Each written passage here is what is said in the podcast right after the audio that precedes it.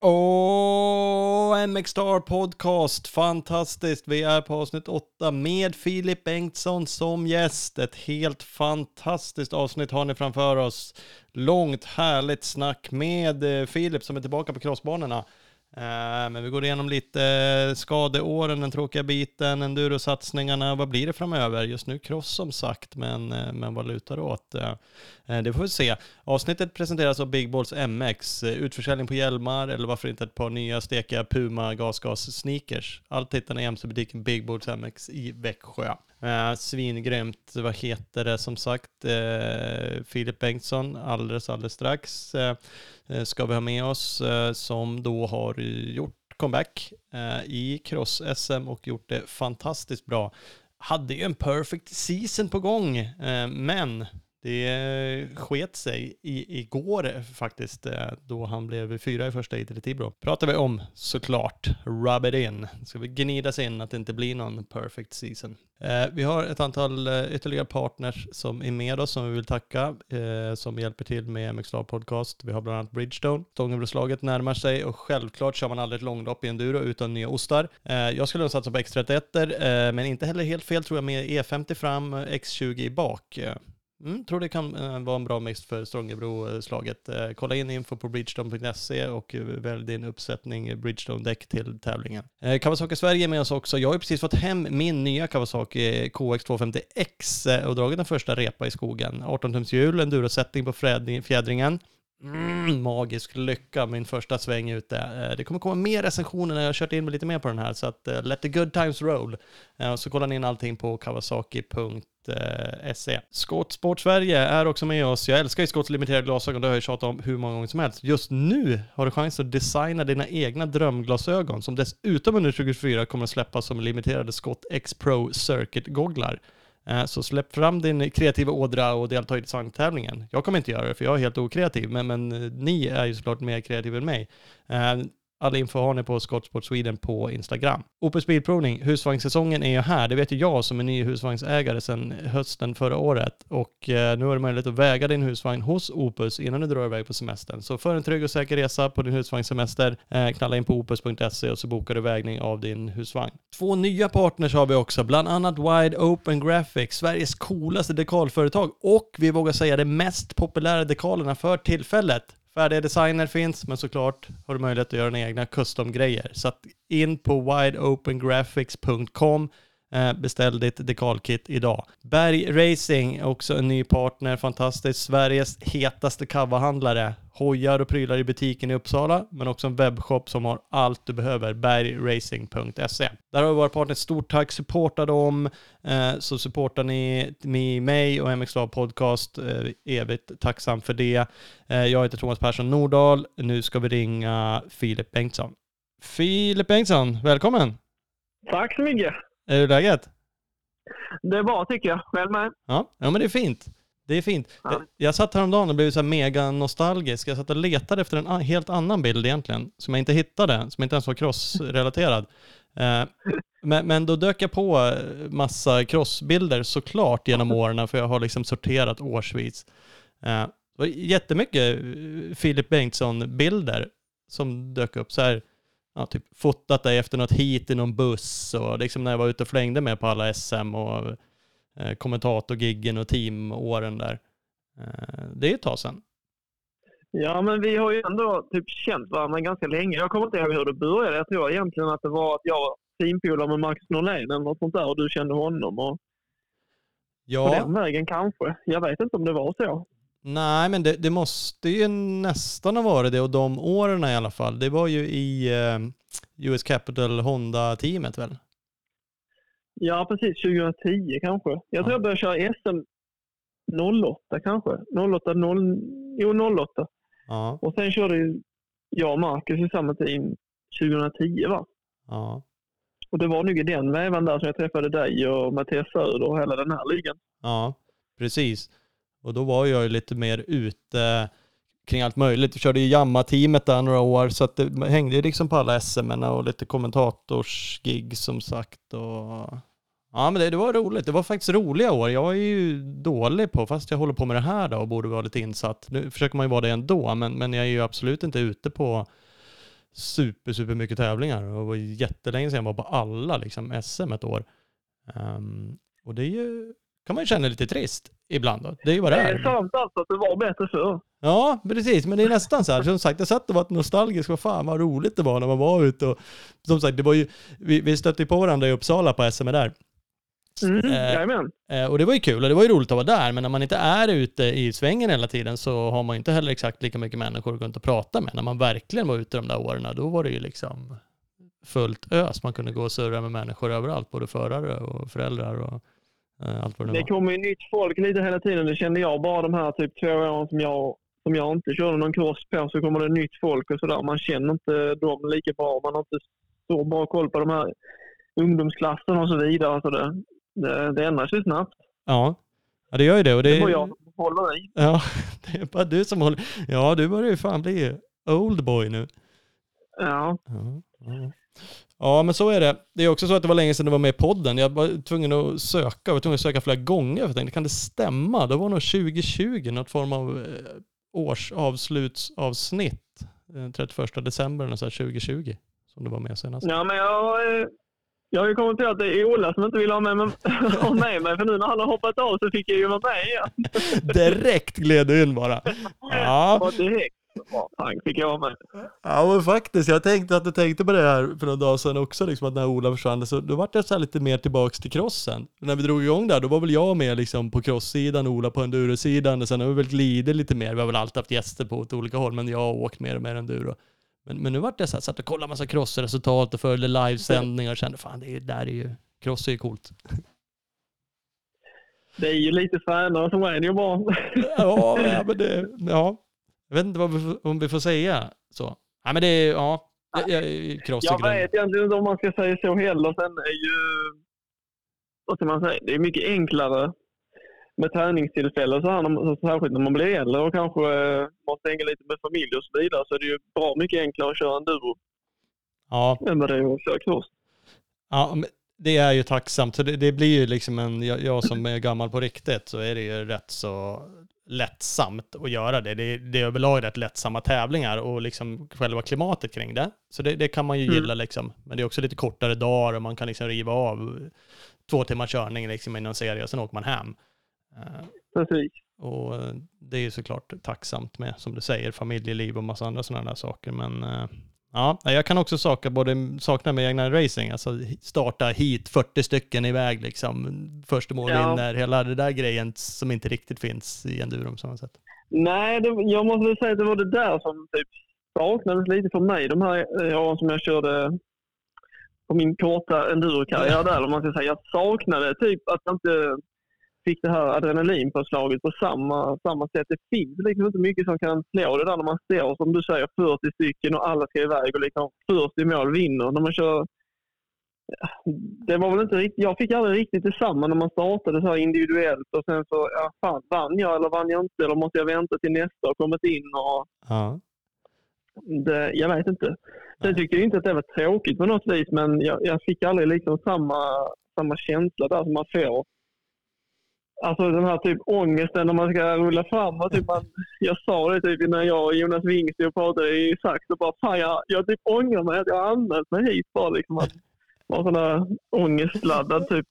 Ja, man verkligen känner varför gör jag det här? Det är helt sjukt att utsätta sig för det här frivilligt. Men sen, sen typ när starten har gått så släpper ju det där. Men precis den här känslan som man har innan där. Ja. Nej, den, den nervositeten, det, så, det blir inte på samma sätt liksom när man ska ut och köra sträckor kanske och man kör mot klockan bara. Och det, är häftigt också, så det är ju precis som du säger, det är ju absolut inget dåligt med enduro eller tråkigt. Det är ju annorlunda såklart och det är lite coolt med, med sträckor och det. Men, ja. Alltså det är ju sk- skithäftigt med och jag var faktiskt och kollade nu på VM i Skövde där och det är, det är ju jäkligt häftigt att se de som verkligen drar liksom. Det, det är ju fräckt på, på, på sitt vis. Mm. Mm. Ja, nej men det är det ju.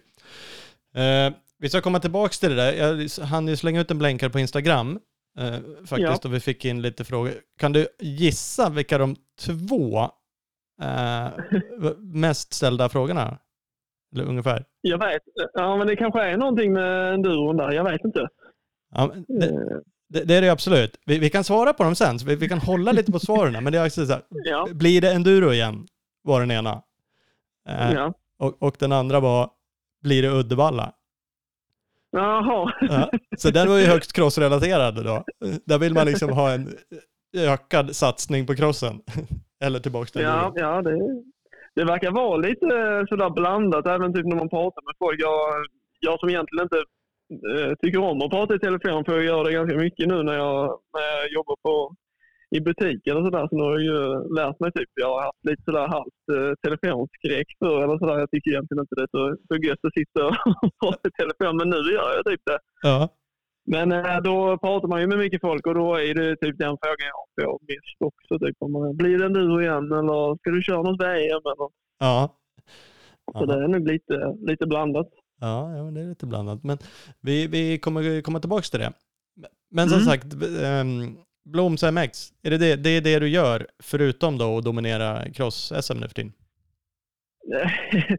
ja, men egentligen var det väl eh, eh 2020. Alltså det, det var ju typ inga tävlingar att köra och det blev eh, lite tuffare ekonomiskt för många sponsorer och så vidare. Så det, det var väl svårt att få ihop det på samma vis. Jag har ju drivit eh, mitt eh, ja, företag, eller vad man ska säga, ända sedan jag slutade skolan där och jobbat med sponsorer och skött allt det där liksom och fått det gå runt. Liksom. Men sen blev det ganska tufft där och jag blev ju äldre, jag med. Och det, som sagt mindre tävlingar och så började jag typ vara lite i, hjälpa till eller sådär i butiken när jag ändå var där och liksom hade väl inte skitmycket annat att göra eller så, så jag gled väl in där och bara ja, försökte eh, ja, hjälpa till på något vis. Och sen har det bara blivit lite eh, mer hela tiden eller sådär och sen eh, ja, de två stycken som har skaffat barn eller sådär och då har ju de varit hemma lite grann och då har det varit att jag tog över lite mer eller sådär. Det fanns lite mer för mig att göra och sen eh, har vi ökat försäljningen jäkligt mycket med, särskilt eh, då under coronatiden där när folk verkligen hade tid att köra hoj kändes det som så ökade ju försäljningen och då fanns det ju fanns det behov av att kanske ha en till i butiken och då föll det sig ganska naturligt att jag hoppade in där bara. Mm. Jag trängde mig på bara. Ja, precis. Du bara gled in, tog för dig bara. Ja, precis. Ja, ja, ja, ja. Ja, du la ut en bild idag när du moppade golvet. Kasper Lindholm slängde ut en fråga också. Hur ofta du moppar golvet? Är det din roll? Ja, ja han, eh, ja, han brukar ju vara snabb att pika men det brukar ju vara att jag pikar tillbaka på andra hållet. Så det, Ja, nej, det, det är ju så. Vinner man inte så får man skura golvet på måndagar. Det är ju sen gammalt. ja, ja, ja det är så gammalt. Typiskt. ja, det är rätt.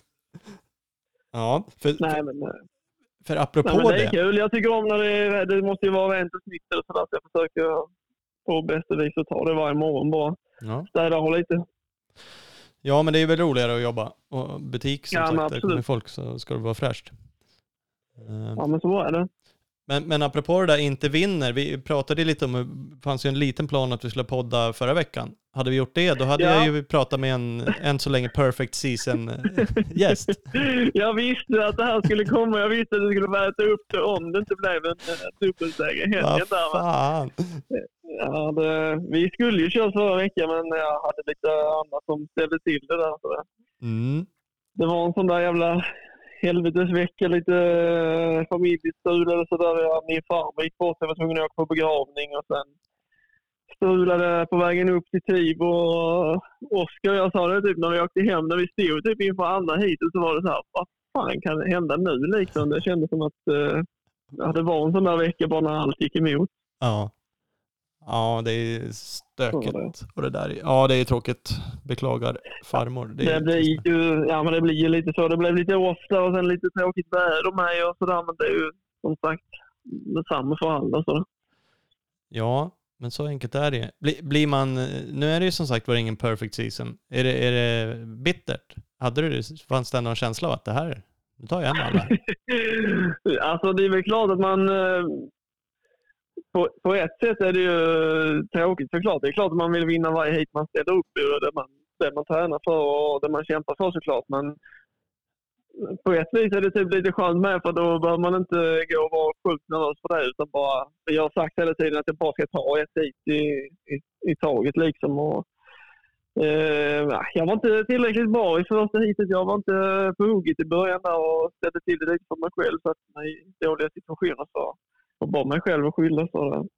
Men ja, tillbaka till frågan så det är klart att det är surt. ja. Har det gått så bra innan där. Och, men äh, det är bara att ladda vidare. Nu, nu är det ju vad det är, som sagt. Och du är ju, ja, ju helt nytt skadad. Det blev fyra i första där i Tibro, va? Mm, jajamän. Tappade, jag satt faktiskt och kollade på det där, men jag, jag kollade inte klart det hitet. Hände det något i slutet också? Eller tappade du bara? Ja, jag, Nej, först, eh, först trillade jag i andra svängen där. Jag missbedömde lite, eller jag var ganska hyfsat med i startsvängen där och sen eh, är det som man går över krön och sen är nästa sväng så satte jag lite på yttern där och missbedömde lite med en annan förare. Jag trodde typ att han hade innerspåret men eh, han gled ut lite och jag var lite för het så jag tror att vi ja, kolliderade lite grann där och då la jag mig lite upp mot vallen eller så här. Mm. Men sen kändes det som att jag kom upp snabbt till fyra liksom. Men eh, ja, med det regnet som hade kommit så var det ju ganska enspårigt. Och typ när jag kom upp som fyra så liksom bara, vad, vad fan ska jag köra om liksom? Och man kunde liksom ligga in på och attackera men då hade man liksom kört slut på brillorna direkt. Så jag ville liksom känna lite på det och se och sen göra någon bra omkörning. Sen lyckades jag köra om Filip Olsson där på samma ställe där jag la mig i början. Och Sen var jag typ jämsides med, med Lynning där och sen körde vi ihop lite och då la jag mig igen där. Ja, okay. Så det var ju då eh, Olsson kom om igen. Mm. Så då var väl mer eller mindre kört där sen. Ja. Ja, du ser. Ja, jo precis. För, så att jag satt och tittade, jag skrev det till dig också, för jag, jag kollade ju så lite grann på sändningen, jag såg inte allting och då kändes det ändå som att det såg grisigt ut och man såg att det regnade så det såg ju stökigt mm. ut, men, men det såg ändå hanterbart ut. Det var ju liksom inte mudrace, eh, inte kunna ta sig fram på banan mudrace liksom. Utan... Nej, de, det kändes inte som att de hade harvat, alltså de såg väl lite på väderprognosen såklart. Så de hade väl inte harvat så här sjukt djupt, utan det var ju ändå hårt i botten om man ska säga. Mm. Det var nog mest att det stod ganska mycket vatten i första heatet eller sådär var typ som en slabbig sörja uppe på eller sådär en decimeter typ som var bara mm slabb eller så här. Så det blev ju ganska enspårigt. Men sen till andra hittills var det faktiskt eh, helt okej okay, ju. Ja. Det regnade ju aldrig så där brutalt liksom, utan det bara regnade på lite hela tiden om man ska säga. Och när vi körde träningen var det liksom sjukt fint. Och sen var jag ute och kikade lite när MX1 körde och då såg det fortfarande ut som att det var, eh, var ganska fint ändå. Ja. Sen under den här pausen som var, den här lunchpausen, så kändes det som att det blev jävligt blött direkt bara. Ja. Det, som sagt, det som säger, fortsatte liksom regna och det, då, marken mättas väl också liksom efter ett tag. Då, ja, men precis.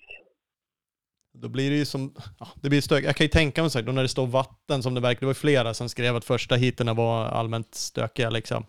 Eh, för det är ju också ja. lite sådär, spara briller eller man är inte svinpepp på att ligga bakom någon i några stora vattensamlingar. Så då blir det också att man...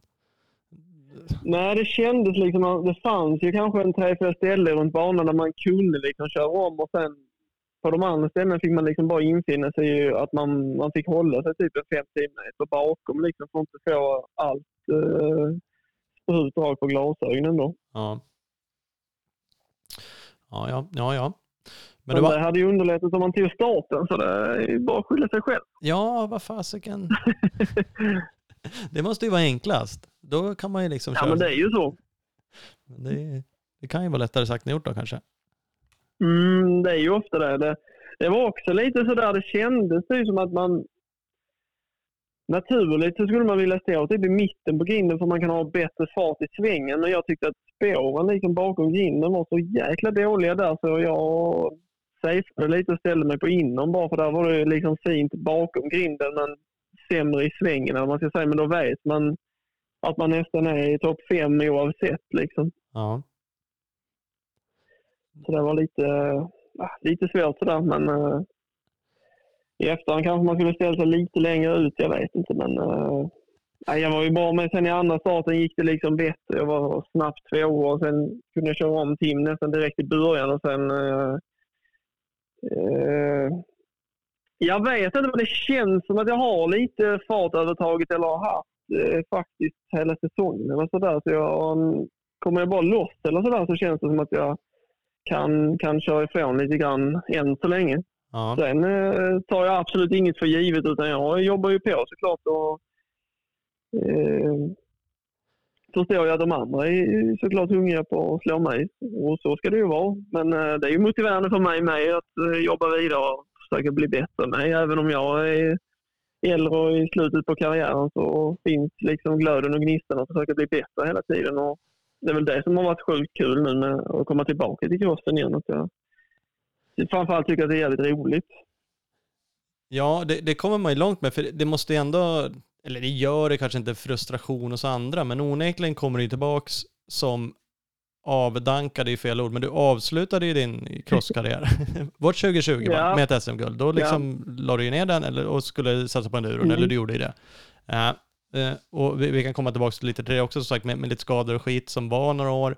Uh, och så kommer du tillbaks nu och ja, dominerar, men det har du ju nästan gjort. Det är som du säger, du, du har ju haft, du har ju åkt bra, du har åkt fort, du har gjort det ganska enkelt för dig, får man ju lov att säga, de hiten som har varit, förutom Tibro kanske.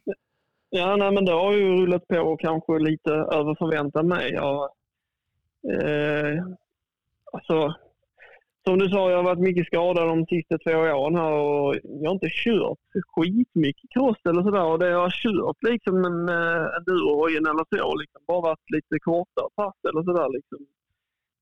Så det är inte så att jag har legat och öst ner på ripa och sax på hela vintern liksom, utan jag har ju mer försökt att bli duktig på, på enduro då. Mm. Så jag visste inte, det var ju svårt sådär innan sakta. Det är klart att man ligger och tränar lite på ripa och sakta på innan sådär. Man ser ju de andra lite grann och man vet ju på ett ungefär var man, var man står. Och sen vet man ju i bakhuvudet hur det har känts de här åren när man har varit i form eller sådär såklart. Så att, lite vet man ju var man står men innan Saxtorp hade jag inte kört någon crosstävling på över två år. Liksom, så det, det var inte så att man kom hundra... Alltså jag kom ju så förberedd som jag kunde vara. Sen hade jag liksom inte kört något race. Nej. Och det är ju alltid en helt annan grej när, när det blir insläpp och så här. Mm. Men, eh, ja, nej, men det har ju rullat på jävligt bra.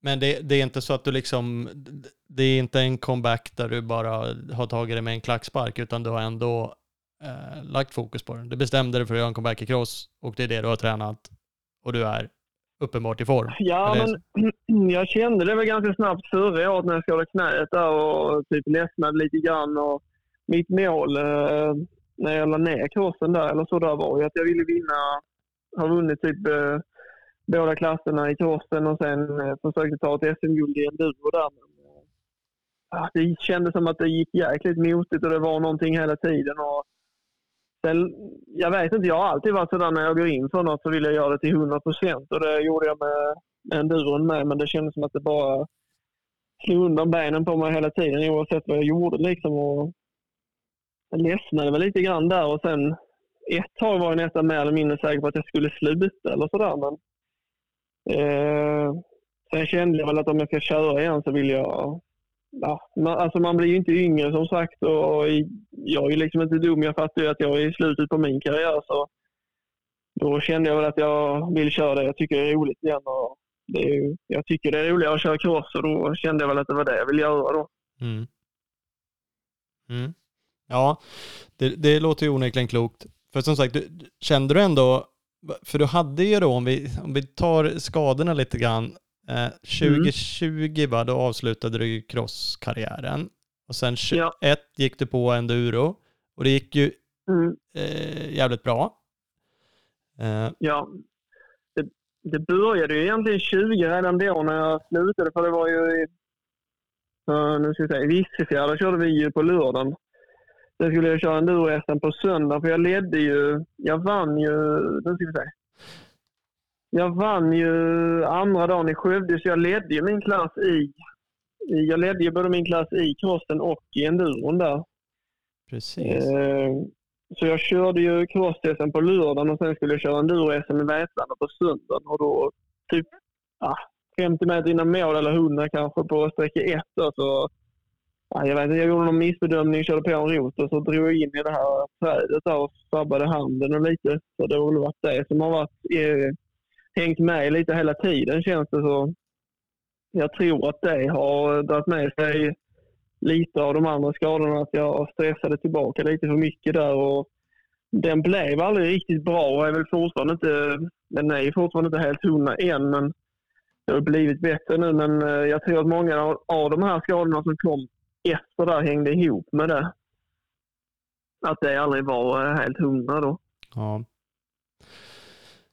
För det stämmer ju sagt, 2020 var ju det året du körde enduron också och det gick bra och tog som sagt SM-guldet och hade ju någon ambition och en ganska bra chans på att ta även ett enduro-guld det året väl, om man nu ska vara sån. Nu...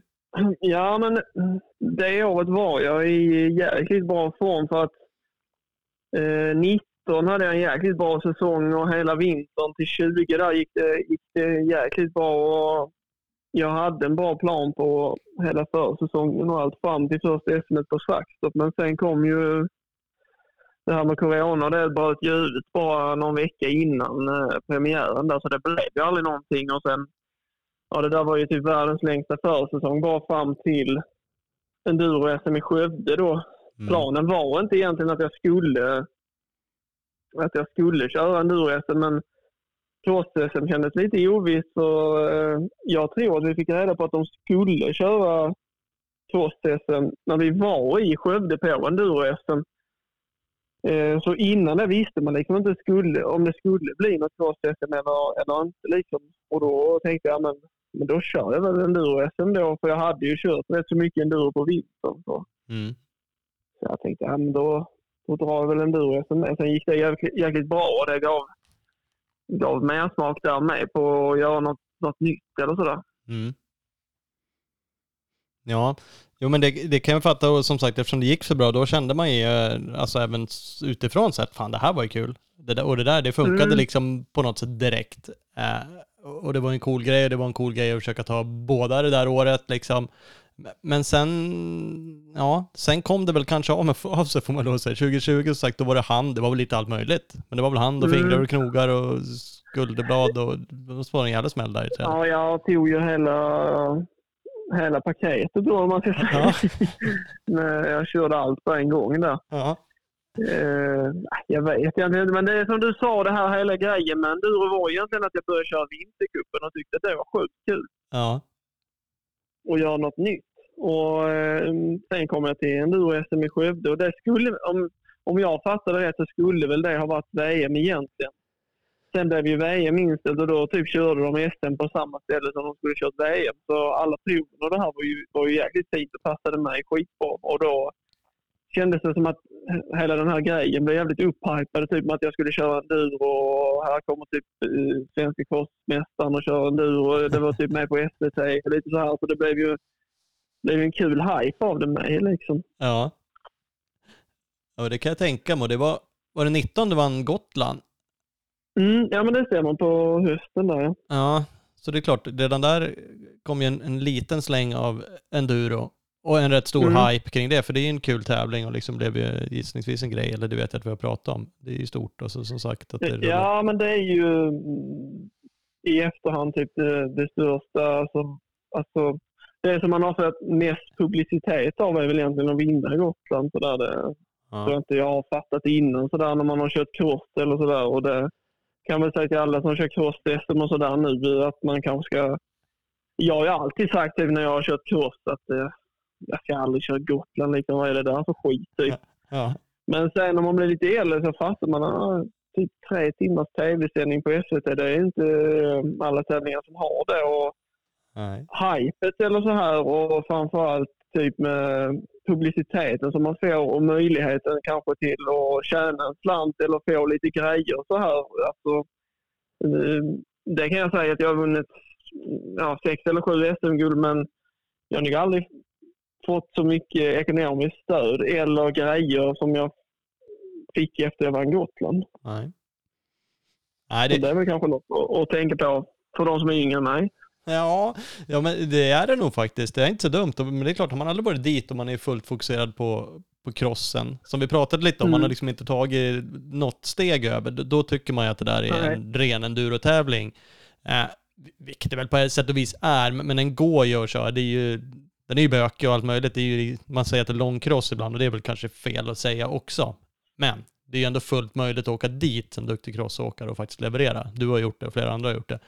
Eh, Ja, men alltså jag hade inte kört skitmycket enduro innan jag åkte dit. Jag hade kört lite till vintercup och sånt här. Och det är ju inget som är, det är ju inget bök och stök på Gotland utan det är ju liksom lite, alltså det är ju mer eller mindre långcross med inslag av enduro. Sen är det ju absolut en jäkla fördel om man har kört lite enduro innan för det är ju lite sådana här, lite sten och skit som man ska upp på och just Mm. det här att det är jäkligt halt eller så här, hela den grejen har man ju fördel såklart om man har kört enduro innan. Mm. Men, um, mm. Nej men det, det är kul. Det är kul det där att säger det där. Och det, men det är väl det klassiska. Få folk att lyssna och förstå det där, det är väl man, det gör man inte. Det kanske man inte gör i Nej, men jag vet ju alltså, när man blir äldre så, här så ser man ju själv vad man har gjort kanske för, för misstag eller sådär. Man blir ju jävligt naiv när man kör cross eller sådär. Man tycker att det är lite det är jäkligt B typ och med sådana där tävlingar eller sådär och det är liksom inte tillräckligt coolt eller sådär. Men det är jäkligt häftigt och, och framförallt Gotland som du säger, har man inte varit där så tror jag inte man förstår hur stort det är. Nej. Nej men det är så, Det det, är som, det är som du säger, det, det SVT sänder jätte, jättemycket. Det är trots allt Mm. 3000 startande. Så bara människor Ja. som är där är ju för fan Precis. halva cross och enduro Sverige som då kommer veta vem man är och sprida det. Eh, ihop Mm. med att media tycker det där är intressant. Liksom. Det skrivs ju om det där i all möjliga tidningar liksom, och görs reportage om vem som vinner Gotland eller gör det bra. Så det, det är Ja, ju, men- ja, det är något stort. Nej, det är jäkligt stort. Alltså tv-sändningen och det var med i Aftonbladet och jag typ fick flera tusen följare på Instagram eh, på bara någon dag. Så där liksom. Och Bara, liksom Ja. var det här så stort tänkte jag. Liksom. Det, Nej. det fattar man typ sen i efterhand. Men eh, Ja. ja, sidospår. Men eh, tips till alla som kör cross kanske. Du ska fundera på det åtminstone. ja, Ja. det är ju kul. Men nu känns det ändå som att det har blivit Alltså om man ska spinna vidare på Gotland eller sådär, att många som kör cross kanske ändå åker dit och kör. Och det är ju ändå en häftig grej, typ om den, de bästa crossförarna kommer dit och de bästa enduroförarna kommer dit och liksom gör upp. Det är ju, blir ju en jäkla hype av det där med. Ja men det blir det ju faktiskt och det är som du säger, det, det känns som att senaste åren är det fler som har hakat på. Det, det spelar säkert roll att du gjorde det och gjorde det bra och det finns antagligen en massa andra orsaker också men, men det skapar ju liksom en hype även för förare som får upp liksom ögonen för det. Och, eh, Ja, men jag tror ändå det. Så. ja. De här Ja. långloppen är ju ändå något som typ både Sångebro, NS1 och sen Gotland är ju ändå något som man kan köra på en cross. Om man bara modifierar lite grann så, så är ju det, duger det ju gott och väl alltså. Ja, men det gör det. Det är klart, ska man åka dit och vinna, då kan man ju behöva testa lite mer än någon annan. Bort, Ja, ska man inte göra det, då går det ju faktiskt att köra nästan, kanske inte Ränneslätta, men de andra går ju gott och väl att köra på en, på en crosshard. Ja, men det tror jag absolut. Eh, Så att, eh, mm, mm, kul, kul. Men, men som sagt skadorna, för sen så fortsatte lite, 21, då gick du ändå ut med att du skulle köra en enduro-VM-säsong. Det var ju Mm. efter den där rejäla skadan, sen tror jag ganska tidigt, 21, så sköt du på det där, eller det var för att du inte riktigt var fit for fight då efter skadan Nej, men 20. det, det stämmer. Jag typ... Eh, ja, men som sagt, jag stressade igång lite där och jag hade ju sagt redan innan att jag skulle köra en hel satsning på enduro och vi hade fått ihop det ekonomiskt med. Och, eh, många hakade på eh, det där tåget, typ att jag skulle. Så det var väl mer eller mindre löst eller sådär. Men sen hade jag jäkligt mycket problem med handen. Framförallt när jag skulle köra lite längre eller sådär och det har jag fortfarande. Men, men skit i det utan tillbaka till det där. Utan då fick jag skjuta på det lite grann med, med starten på enduro-VM. Så jag, sen åkte vi till Estland och körde, körde där och det gick ju rätt så bra där har jag för mig. Ja, precis. Så det, det, men det var lite struligt så där jag hade liksom, det hängde med hela tiden det här med handen och det var lite drygt där. Att jag inte liksom kunde prestera så som jag visste att jag kunde. Jag, framförallt hade jag svårt att köra länge eller sådär. Jag har ju fått, eh, Alltså det har ju blivit som artros i lederna där, så jag får jäkligt ont när jag kör en längre tid. Så det är väl också fördel nu då när jag kör crosset inte så, så långa, så långa dagar. Så när man kör enduro så för de som inte vet då, så kör man ju, alltså man har ju liksom 7-8 timmars körning varje dag. Och Mm. även om det mesta är transport så möter det ju också på, på kroppen på sitt vis. Mm. Ja. ja, men det är ju stor skillnad mot crossen. Visst, ni... Nej, men det, det är ju inte i närheten av lika mycket körtid och som sagt även transporten, men det beror ju väldigt på mycket tävling. Det kan ju vara rätt stökigt det också, så det är inte så att det är alla tävlingar som har vägtransporter om man åker och cruisar, utan det är ju rätt så stökigt. Nej, ofta typ som på SM eller så blir det ju mycket typ sitta och gneta väg, men på de eh, få internationella tävlingar som jag har kört så är det ju mest i terrängen eller sådär. Och även om man inte ligger på i något maxtempo på något vis så, så nöter det ändå på på sitt vis. På, och, så, och som sagt, om man har något sånt där som eh, ja, någon liten akilleshäl eller så där i, i kroppen eller så, så blir det ju att det nöter på som fan där. Mm. Ja, men det gör ju det. Men sen, det, det blev ju aldrig riktigt som eh, planerat den här VM-satsningen. Det typ eh, gick upp lite i rök. ja, visst gjorde det med det. Som sagt, du körde ju där då, eh, var det Estland som vi sa, sen körde vi Skövde kanske var det samma år. Ja, det stämmer ja. Och sen drog jag omkull på SM i Katrineholm då. Ja, precis. Och då var, då var den säsongen också över. Ja, typ. Jag körde ju Gotland sen, men det gick ju också ganska skit. Ja. Så det ja. var väl en sån där säsong typ när det bara gick äh, jäkligt motigt. Och det var nog fan efter Katrineholm där så bestämde jag mig liksom att jag, den här säsongen är ändå liksom skit i SM och VM. Och också skit i sig. Så då försökte jag bara satsa allt krut på Gotland istället då. Mm. Men eh, ja, jag vet inte. Tiden var lite knapp där. Jag hade inte kört så mycket som jag hade hoppats på innan där. Och, eh, sen körde Micke Persson jävligt bra där på Gotland så jag tror kanske inte att, även om jag hade fått kört någon vecka till, att jag hade rått på honom där faktiskt. Så, men eh, jag hade väl varit någon, något snäpp högre upp i tabellen kanske. Mm. Mm. Mm. Ja, jag det, tror också att jag gjorde en tabbe där på tal om det här med inställningar på hojen och så vidare. Att jag, att jag bara snurrade, mig, snurrade in på det här spåret att jag skulle köra exakt likadant som jag gjorde det året när jag vann. ja. Och jag typ vågade inte ändra på någonting. Så jag bara, ah, jag måste ha det så här. för Så hade jag sist när jag vann. Men ja, jag vet inte. Jag tror att jag var bara lite bättre form. Alltså körform och allt liksom innan där gick bättre det året när jag vann. Så jag tror att jag gjorde bort mig lite på det här. Att jag snöade in på att jag var tvungen att köra exakt likadant som jag hade gjort det Ja. året när jag vann. Men det blir ju lätt sådär. Ja, det, det är väl, alltså även på din nivå kan jag tänka mig sagt att man, vad fan det gick bra då. Alltså blir man lite osäker och så är det ju, ja det är väl lite gambling att göra något annat då. Även om man testar så vet man inte exakt och man vet inte exakt vad det blir för väder eller före och ska man ändra då precis Nej, innan. precis. Eh, ja. Och det året när jag vann så var det ju ändå ganska skitigt. Eller? Det, var, det är ju såklart att det har varit skitigare på Gotland än det året när jag vann, men det var ändå ganska skitigt. Och det spelar ju också roll för det året. Jag, sen körde jag inte 20, men sen 21 var det ju jäkligt hårt, så det gick ju mycket snabbare då. Mm.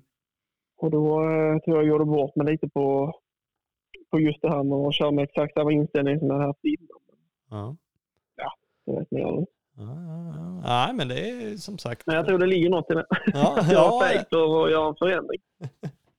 ja, men det där är ju som sagt det var, lite det du var inne på i Tibro och sådär. Ja, fan man borde kanske stå Mm. i mitten, men ställer mig, känns lite safe att stå här. Det, det är ju farligt Ja, att ja. tänka sådär också. Så Gotland, Ja, men det, ah, det är ja, safe. ofta är det ju det när man eh, ja, men typ bara kör på det som är safe. Liksom. Det, det blir kanske inte det här eh, perfekta, utan det blir, bara, det blir bra, men det blir liksom aldrig bäst.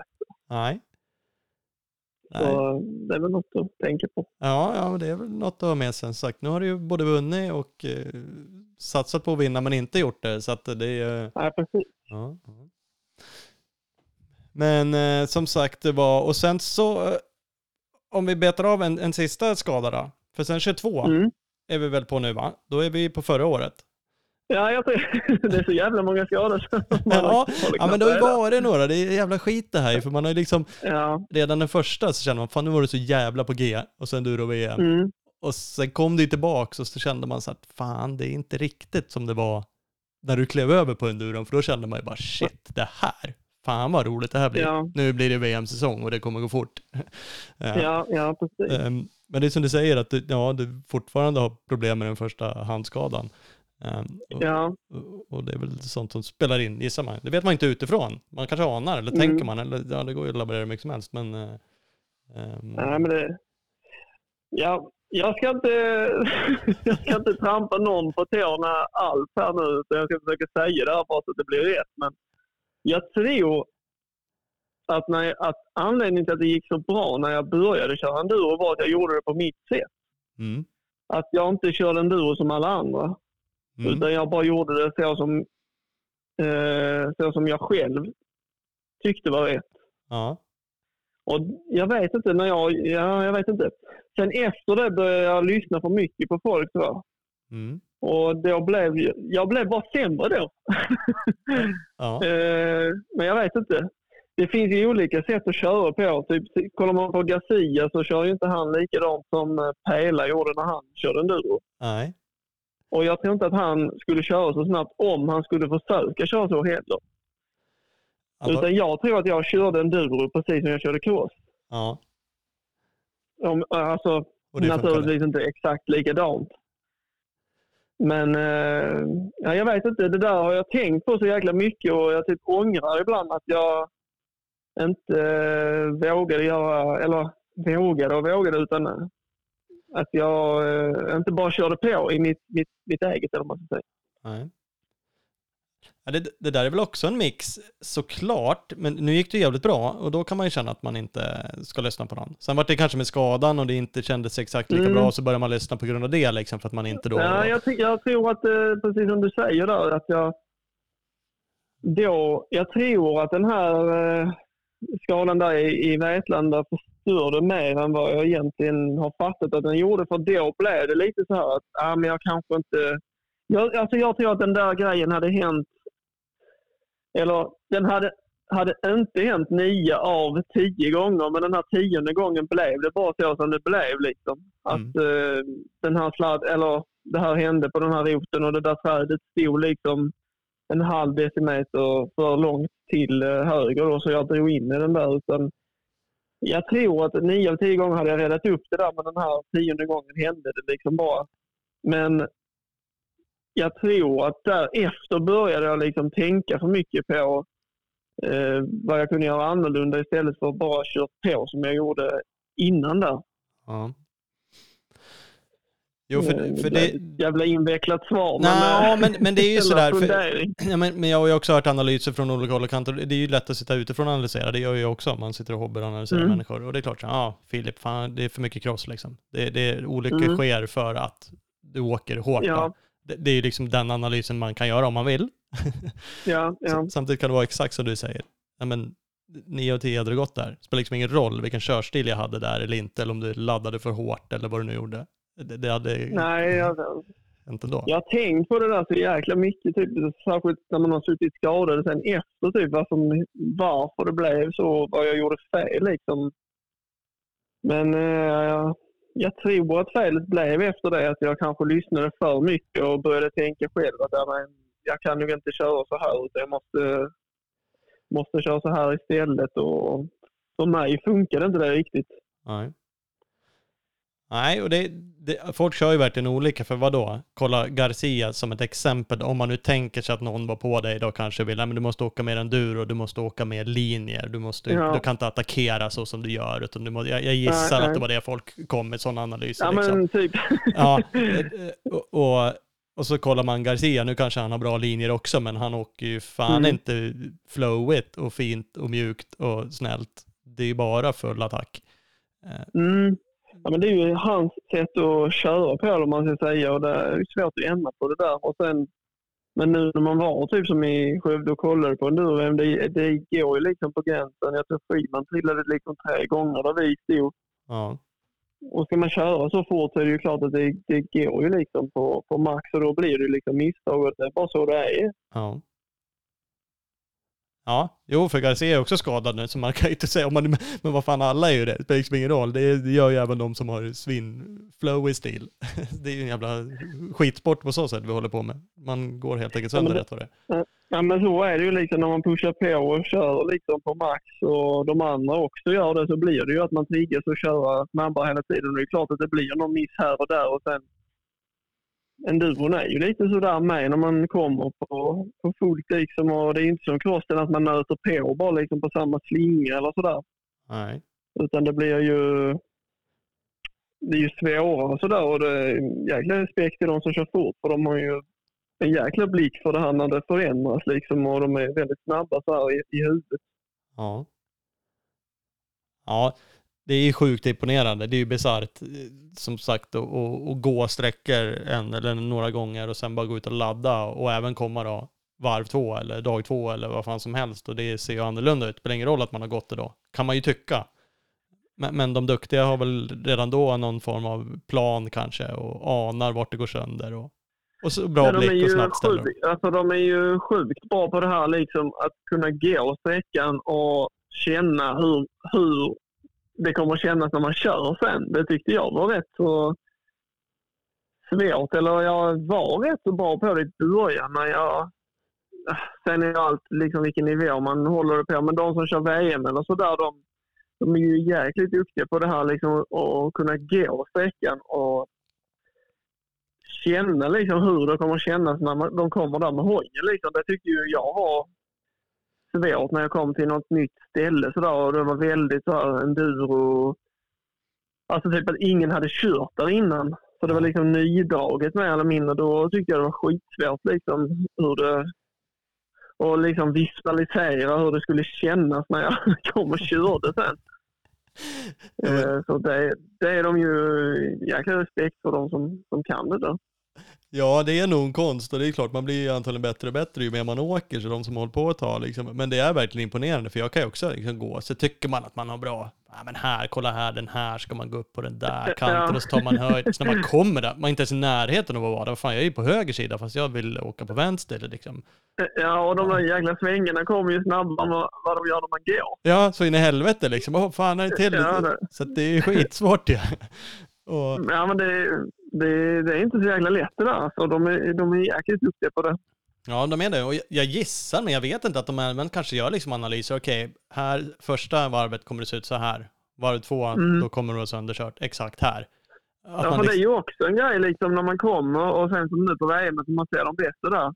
Och sen när de kommer nästa gång, då har ju liksom hela startfältet kommit. Sen har ju junior kommit och sen har 125 kommit och sen har tjejerna kommit och sen har de här seniorerna kommit. Ja. Så det är ju många som liksom kommer och nöter på den där jäkla sträckan när de kommer nästa gång. ja. Och- Och då ska man liksom antingen ha med sig någon analys i huvudet då, att man anar hur det kommer bli sönderkört. Eller ha en otrolig blick och kunna ställa om superfort. Och, Ja, jag tror det är lite mix av det där faktiskt. Men eh, som sagt, ja, de, ja, respekt de som, som kan. Mm, ja, men det är ju det. Och återigen, enduro-VM om man kommer dit, det är ju liksom inte så här ja, men klassiskt svensk åka enduro som man tänker hög växel, åka och traila, hitta flowet. Ja, vad fan, det är ju ingen av dem som åker så. Det är ju bara fullt jävla smäll överallt liksom. Ja, men det är ju liksom, de kör ju liksom cross i skogen. Man ska säga liksom, de, de skickar ju på som, som satan alltså. Ja. Ja, det är- imponerande. Ja, det är kul att se. Eh, men 22 då, om vi bara betar av den. Bra inledning på säsongen. En skada Mm, till. Jag bytte ju till tvåtakt där, men jag hade ju kört det lite innan och tyckte det var jäkligt kul. Jag prövade någon, jag hade ju en 300 där året innan så vi aldrig riktigt fick uh, dit jag ville ha den, om man ska säga. Men sen, ja, sen var jag sugen på att bara göra något helt nytt och liksom ändra konceptet lite eller sådär. Pröva, pröva köra lite större hoj för jag tyckte det var svårt när jag gick ner på 250 året innan där. Mm. kände hela tiden att jag ville ha lite mer, lite mer pulver i hojen. Och sen, sen tyckte jag det var jäkligt kul med tvåtakt där, så då blev det att jag körde 300 där. Och Mm. fick bra ordning på den tyckte jag. Den gick bättre. Liksom, vi gjorde lite små förändringar hela tiden och den gick bättre hela tiden. Och sen, eh, jag körde inte så mycket tävlingar på vintern där utan jag kände att jag ville bara träna typ, och bli lite bättre på, på att köra enduro. Så då körde jag typ en vintercup och sen efter jag körde tyska mästerskapen istället. Och då vann jag första där och tyckte att jag var, var jäkligt på hugget. Mm.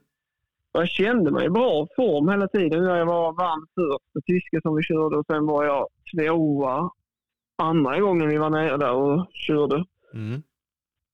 Och sen eh, var det väl SM i Tibor va, efter det. Mm. Och då körde jag också bra, men det var ju den här förbannade sträckan ute på Laggartomten eller vad det heter. Stenigt nydraget. ja. Ja, det där var ju de andra bättre på. Jag tror jag var trea totalt ändå och etta i klassen, så det var väl inte dåligt så. Men Nej. sen var det ju SM här va. Så när jag drog sönder, i Vimmerby då, som jag drog sönder knäet. ja, precis. På crossbanan har jag i och för sig fått höra typ tusen gånger. Bara för att. Jaha. Ja, men jag skyller på lyset. Det var så tungt när jag skulle svänga. Ja, det är ju klart. Fan, bara sjönk ju ner i sanden. Det går inte att åka sådär. Precis.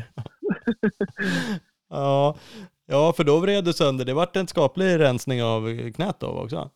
Ja, korsbandet gick jag av och sen eh, fick jag någon skada på menisken där, men det tog de bara bort en liten, liten del av och putsade till och sen nytt korsband då. Mm. Så det är det som jag gick hela hösten och vintern med där då, rehabade. Ja. Det blev en långkörning och det är ju knäskador för de flesta. Så tar det ju den tiden Ja, det är ju det. Eh, Och det blir ju inte... De, det är det som blir lite när man blir äldre med. De här skadorna tar gärna lite längre tid med. Ja. Sen är väl knä en sån grej som alltid tar ganska lång tid. Och, Det är väl vilan där liksom och rehaben som helt enkelt behövs oavsett. precis. Ja, det är säkert. Du var ju inne lite på så här mental grej. Jag gissar när en sån som dig blir skadad så här och kanske också flera gånger, men, att du får rätt mycket meddelanden och folk undrar och frågar och när kommer du tillbaks och när, eh, vad händer och vad gör du då? N- Mm, när ja, man, men är man less på det? Ruttnar man ur på de där och bara vill dra åt helvete allihopa? eller? Nej, alltså i början, som typ när jag drog sönder knät nu så känner man ju liksom bara fan, inte igen liksom. Och sen en sån grej som tar lång tid. Alltså det var ju klart att det gjorde ont liksom, men det gjorde ju inte ont skitlänge och sen kändes det ju ändå hyfsat. Efter ett tag så känns det ju rätt så bra i knät även innan man har opererat det där. Men man vet ju ändå att man, eller jag visste hela tiden att jag behövde fixa det där, att det skulle ta rätt lång tid. Så, eh, då är det väl kanske lite jobbigt, men sen samtidigt är det ju kul att det är många som bryr sig liksom, och är intresserade och liksom, vill veta vad som händer och vill att man ska köra igen och sådär. Mm. Så det är ju det är väl positivt mest att folk hör av sig och bryr sig eller sådär. Mm. Ja, jo men det är det. Som sagt, det kanske är precis i början när man bara känner att all, livet är... Ja, precis. När Skit. allt känns piss bra. Då då vill man inte prata med någon. Nej, lite så ja. Ja, ja Men eh, ja. Det går över hyfsat snabbt. Det där, eller ja, den här gången gjorde det ju typ inte det för då kände jag liksom efter ett tag där, du vet när det gick, hade gått kanske fem månader så började man ju liksom fundera. Så jobb, alltså man vet ju hela den här resan och komma tillbaka igen. mm. Att det tar jäkligt lång tid och sen vet man typ första gången man ska köra, när man inte kört på sju, åtta månader bara. Man vet att det kommer inte kännas som sist när man körde. Nej. Så det blev ju nästan sådär typ, ah, är jag ändå blir lite äldre och sen kanske det är dags att skita i det och sådär. Men sen det här suget efter att köra försvinner ju liksom inte och då fattar man kanske att det är rätt att, att köra igen då. Ja. Man försöker pusha iväg det men det går inte. Nej, det, nej, det är ju det. Och som sagt, det är, det är trist att bara lägga av också. Och det är klart, det hade ju kunnat bli bara en glad enduromotionär tänkte jag säga. Men det är inte så lätt heller. Nej, och det är svårt också. Jag, för mig var det liksom att jag hade typ nästan bestämt mig att jag skulle sluta. Men sen vet jag inte. Sen funderar jag på det där så är det jäkla tråkigt också. Eh, och göra det för sin... Alltså, vad ska man säga? Jag tyckte det var tråkigt mot mig själv att sluta med en skada. Utan jag när jag kände ändå att jag hade mer att ge. Mm.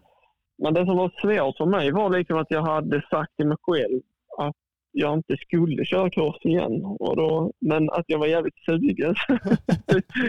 jag var lite kluven sådär om jag skulle köra igen. Och sen liksom det sista året när jag körde där så vann jag liksom alla, alla hit som jag körde på crossen och året innan det vann jag SM. Liksom, så det hade ju liksom gått jävligt bra på slutet där Ja. innan jag slutade. Så det var ju också en sån där grej att jag visste liksom säger att jag ska köra igår så måste jag ju liksom vinna. Jag kan ju inte åka dit liksom och bli tvåa. Så jag visste ju liksom vad som... Och man vet ju liksom hur mycket tid och sådär man har lagt ner på det innan. Så det var väl lite, Ja. lite det som gjorde att jag var lite tveksam först om jag skulle göra det eller inte. Men sen bestämde och sen bara, ja, sen bara gasade jag på. Ja. Ja, och det, det gick ju onekligen bra. Och jag, jag kan ju förstå som sagt att du ändå tog ett beslut i crossen då. Att det var det som drog och det var där liksom kändes som glädje nu när det har varit lite skit. Även om du säkert kanske nu eller någon gång kommer känna att du inte då levererade som du ville på enduron. Och skulle vilja göra det också det-. Ja, men det sitter ju såklart i bakhuvudet att det inte gick som planerat. Men det har nästan mer eller mindre bara accepterat att det inte blev så som jag, som jag ville. Och sen, men sen tycker jag ändå att, som jag sa innan, där, att jag, jag fattar ju att jag är i slutet på min karriär och då vill jag... Jag vet inte, jag har pratat med andra om det här med liksom att jag vill ju köra det som jag tycker är roligt att göra och liksom det jag vill, det jag brinner för och det jag känner att jag vill träna för eller sådär. Och sen försöker jag bara göra det jävligt bra istället då. Mm. Ja, helt rätt. Och då blev det Smoker i MX2-klassen och tillbaks på KTM. Ja, men- Ja, men det kände jag väl ganska tidigt där för jag tyckte ju att det var kul att köra 2,6 förra året med där. Eh, Och sen var jag ute och kollade på lite cross sådär och tyckte jag har aldrig fått chansen typ att köra en 2,52 till cross så jag har alltid velat göra det. Ja. Så bara, men fan ska jag köra i cross då vill jag nog köra 2,52 tänkte jag. Ja. Och sen, eh, och sen blev det på det, på det spåret bara. Och sen vet jag inte som sagt. Eh, men jag, jag vet inte, jag bara kände att jag behövde göra något nytt. Och sen, eh, ja, eh, Jonas Wingberg jobbar på KTM och han känner jag jävligt bra sen innan och vi har tränat mycket ihop och han har hjälpt mig jävligt mycket i karriären och sådär. Och Mm. då var han sugen på att jag skulle köra KTM och jag var sugen på att göra något nytt och var, var jävligt taggad på att köra orange igen och då föll det sig naturligt att det bara, att det bara blev så. Ja, det var också en Ja. lyssnarfråga, men jag anar ju att du har hjälp från KTM Scandinavia, men du kör ju för Bloms MX, så du är inte med i officiella Scandinavia-teamet va? Eller? Nej, Jag är inte med i det. Alltså, så har det varit hela tiden när jag har kört Husqvarna med. Att jag har mitt kontrakt med KTM och sen har jag möjligheten att köra mitt lite sidan om tillsammans med Bloms. Då. Mm. Och det har jag gjort alla år när jag körde på, på Husqvarna med. Mm. Och det är kontraktsmässigt eller vad du har är det same, same gissar jag, som om du skulle, det bara att du står under ett annat hämt och sköter dig. Ja, det, det vet jag. Jag vet inte vad någon annan har eller sådär. Jag är nöjd med, Ja. med det jag har eller man ska säga. Och jag är bara tacksam att någon som vill, att de vill hjälpa mig och sen att jag får möjligheten att liksom stå och köra mitt race lite sidan om eller vad man ska säga. Mm. Sk- Sköta dig själv. Ja, precis. Ja, men det, Ja, det men, som alltid har funkat typ bäst för mig genom karriären och sådär när jag kan vara i något lite mindre team och prata med, prata med mig själv eller sådär. det, beror, eller det beror garanterat på vart man är i karriären och vad man vill utnyttja att vara med i ett team. Jag som har släpat runt ett stort team med, med klistermärken, Ja. dekaler och stort tält och allt vad det är. Eh, och det är ett jävla jobb och jag tyckte såklart att det, det var bra för våra förare och passar man på att utnyttja det så är det ju bra. Men det kommer ju Mm. någonting med det, kanske krav kanske är fel ord, men man förväntas hjälpa till eller vara med på olika evenemang eller saker och ting som man inte styr 100% över själv då. Och, och som Mm. sagt, om man inte vill eller tar för sig och utnyttjar att man står fint i tält, då kan man ju lika gärna skita i det och göra saker själv. Som du kan i det här fallet, Ja, som redan har det, och då kan du bestämma eh, själv liksom vad du... Ja, men precis. Det är smidigt med och Bloms har ju redan liksom ett team så då föll det sig naturligt liksom att jag kör med dem eller vad man ska säga. Sen att jag Mm.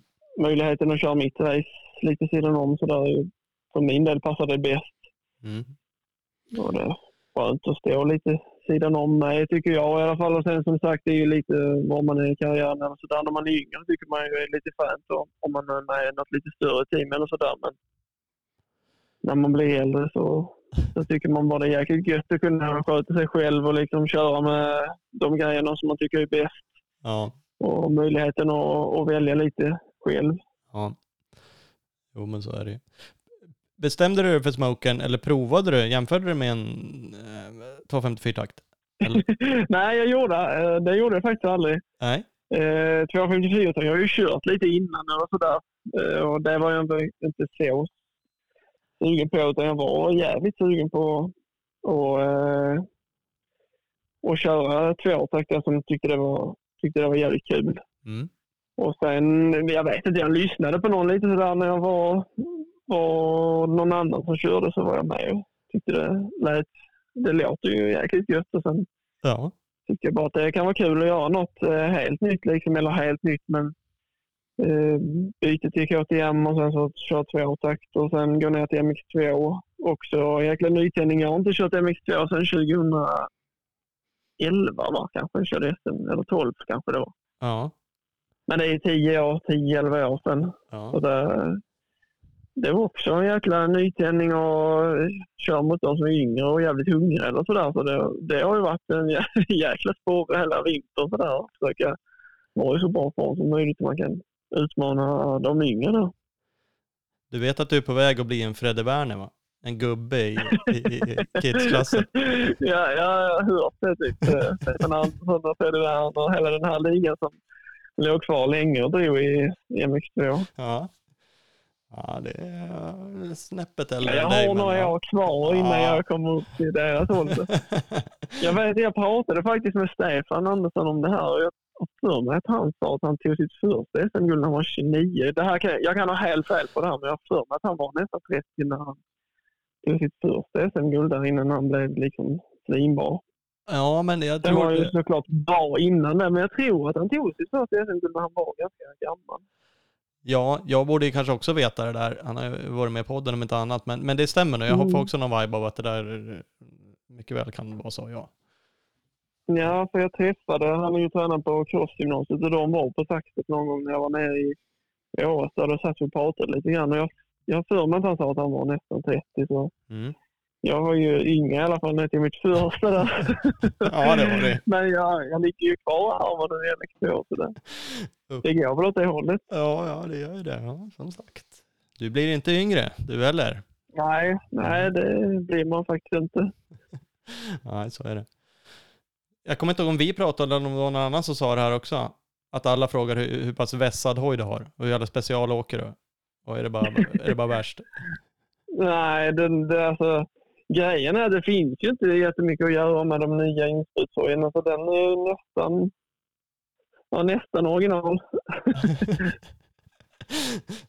Nästan original. Ja, ja men det är Det, ja, det är mindre än vad man tror i alla fall men sen, sen har jag bara ja, som sagt möjligheten att ha det bästa folket runt omkring som ser till att allting, allting är i ordning. Och, eh, Oskar där, som min tjejs morsa där som är mekaniker på Bloms, han har ju hand om min hoj med och han har alltid den. Är liksom, vi kör inte jättemånga timmar på dem där och sen han byter kolv och går igenom och liksom det är alltid topp och det är alltid som nytt när jag rullar ut liksom. Så det är väl det som är det som är grejen då att den, att den går så jäkla bra.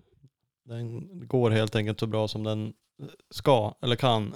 Ja, men precis. Ja. Och jag ska, jag ska faktiskt säga att jag var lite sådär tveksam i början med, när de bytte från förgasare till insprut. Om det, jag var lite så tveksam innan jag körde, men alltså den, den går så jäkla bra. Jag körde typ och funderade på, alltså på träningen och tid för nu i Tibor, om jag typ har haft en hoj bara, den går så jäkla bra alltså. Den det är så lätt med. Det är tvåtakt lätt men ändå liksom linjärt register och den tar sig direkt och aldrig någon liksom bogg eller så här som det var på de gamla förgasarhojarna. Nej. Nej, den går fan jävligt bra alltså. Det, det är många som kommer fram och säger men så det är kul. Ja, När då, man vet att det inte är så mycket gjort, liksom bara bra ordning på grejerna liksom. nej, men det är ju skönt. och Även om du gör något såklart, det är väl inte fel, men man behöver inte fila ihjäl sig för att få den att gå som man vill eller hålla på och trixa hur mycket som Nej, helst. utan- precis. Utan det, nej, går, den går bara gött.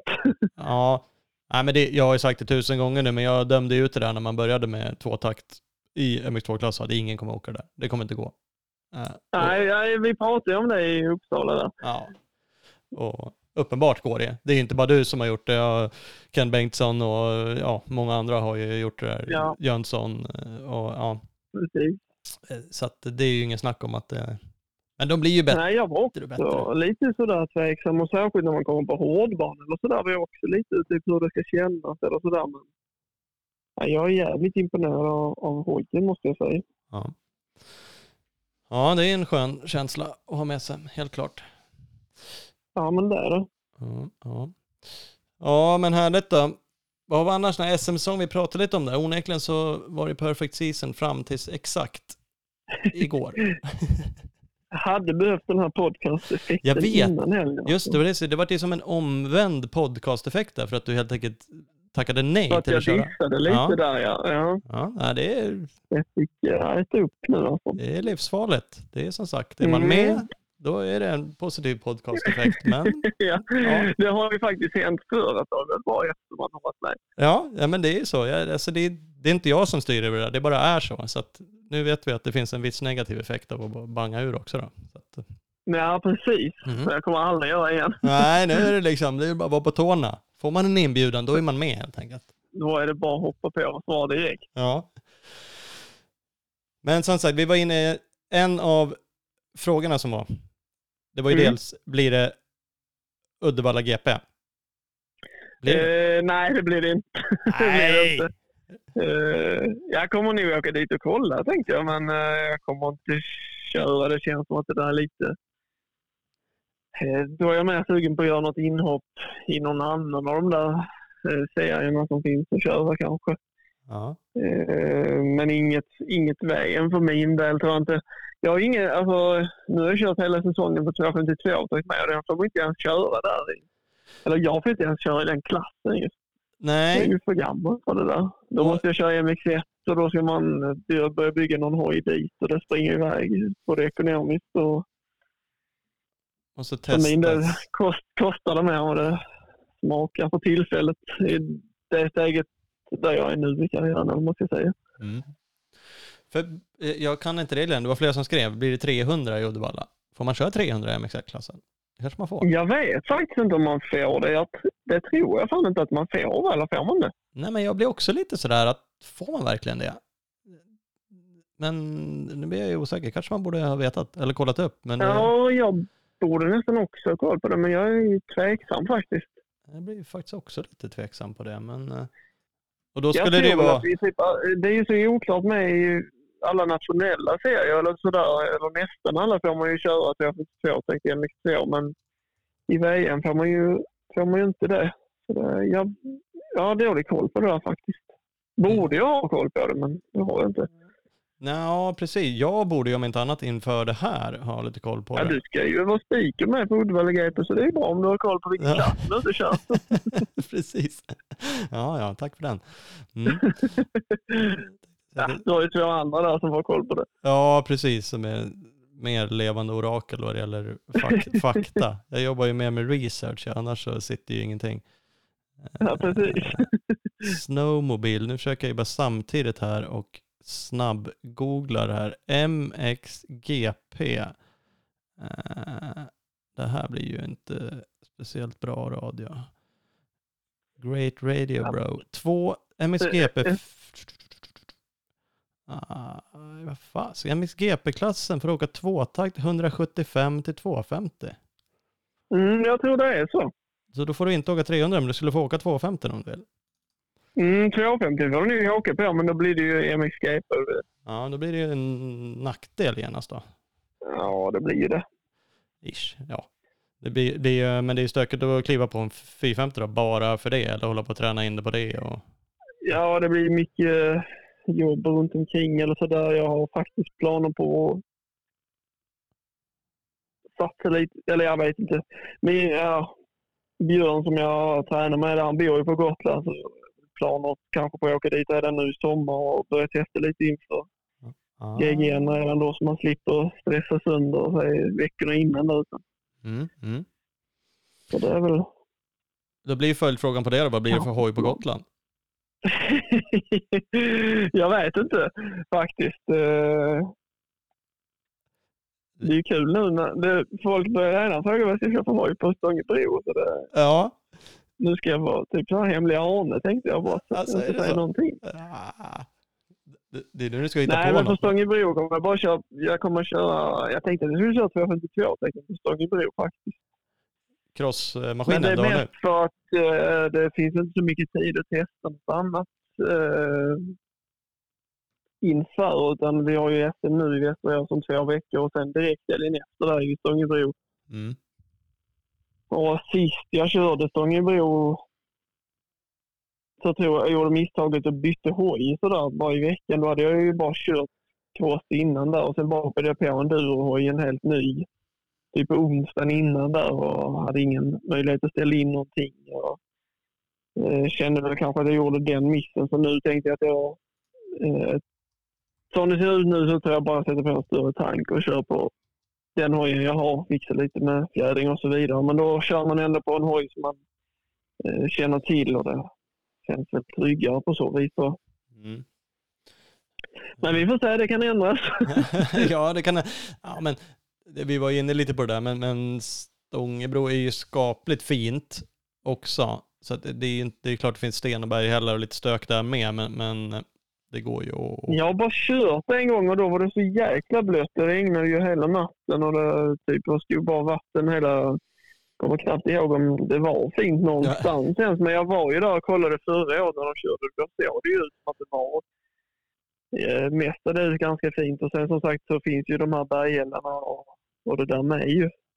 Ja, men i min värld är det ganska korta partier, man går liksom ner för dem där och det är lite skogen där det Mm. visst det blir ett spår och någon häll och lite så här sten, men annars är det lite gärden och det är ju sandpartierna i slutet och det ah, jag, jag skulle ju säga att det är den överlägset finaste av alla, Stångebro, Ränneslätt och Gotland liksom, och den som är. Mm.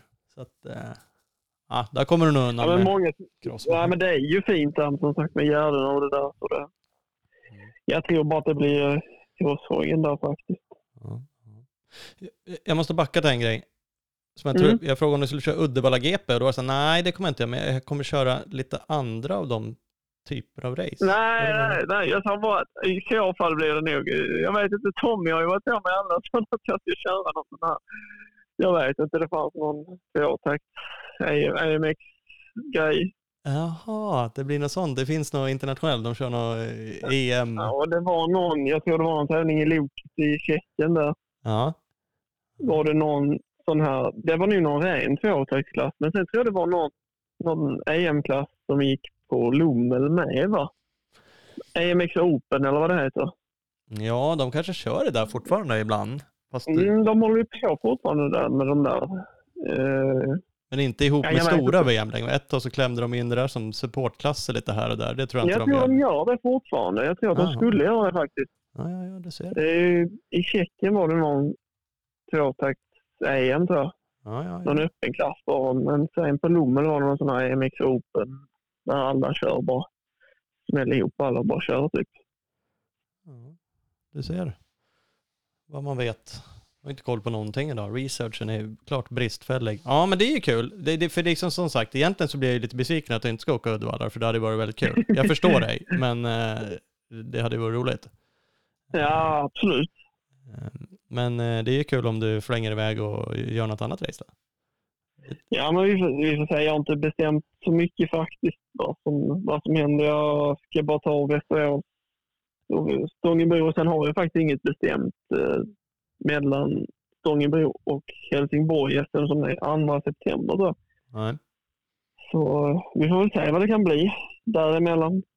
Och det blir, eh, men eh, det som är planen är väl att jag ska åka, åka över till Björn och försöka köra lite på Gotland någonstans och bara eh, försöka testa lite och bestämma mig lite vilken hoj och så vidare jag ska köra på GG'n sen så jag slipper göra det i sista, sista sekund. Sen vet jag hur det blir när det närmar sig och man blir nervös och det ska, man börjar fundera på om man har gjort rätt val. Mm. Men eh, det är skönt att ha testat lite innan där. Ja, för då låter det onekligen som att du vill åka dit och vinna igen. Ja, men absolut. Mm. Det, alltså egentligen innan, alltså egentligen är det sagt att jag, eller jag hade egentligen bara bestämt att jag skulle köra långloppen innan säsongen. Sen hade jag liksom KSSen som målet där, att jag skulle vara i så bra form som möjligt i Saxtorp och sen bara ta det ifrån, ta det därifrån om man ska säga liksom. Om jag tyckte det var roligt så skulle jag bara köra på. Mm. Och sen tyckte jag det var jävligt roligt och då har det bara blivit att jag har kört på Ja. fullt ös med crossen där. Och, och, eh, att det andra har kommit lite i andra hand nu. Men, men eh, Gotland kommer jag ju gå all in på och försöka, försöka vinna igen. då. Ja. Mm, ja, det är kul. Det är som sagt, det har vi också varit inne på. men, men Gotland är ju roligt. De andra, Stångebro och Ränne, Stångebro tycker jag är jättekul. Men den har inte samma status. Den- Men den är superrolig. Det är kanske den roligaste av dem, skulle jag säga. Om man nu bara ska Ja. åka. Eh, så ska man åka Stångebro. Eh, Ränneslätt kommer du åka också då? Är det tänkt? Ja, den har jag ju faktiskt kört en gång med. Mm. Den är ju hemsk i Mm. jämförelse med de andra två. Men jag tror, eh, jag tror faktiskt att jag körde det året när det var som finast. För att då körde vi ju...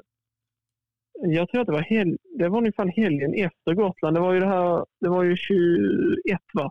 Ja, De hade jätteproblem med att få tillstånd till att köra. Och då fick de typ skjuta in den eh, jäkligt sent där. just Så den det. gick ju typ veckan innan. Den gick ju den här helgen som var mellan Gotland och Kåsan. Ja, precis. Eh, Så det var ju typ så här perfekt fuktigt och alla körde ju... Det enda nackdelen då var ju att alla startade samtidigt. Så det var ju...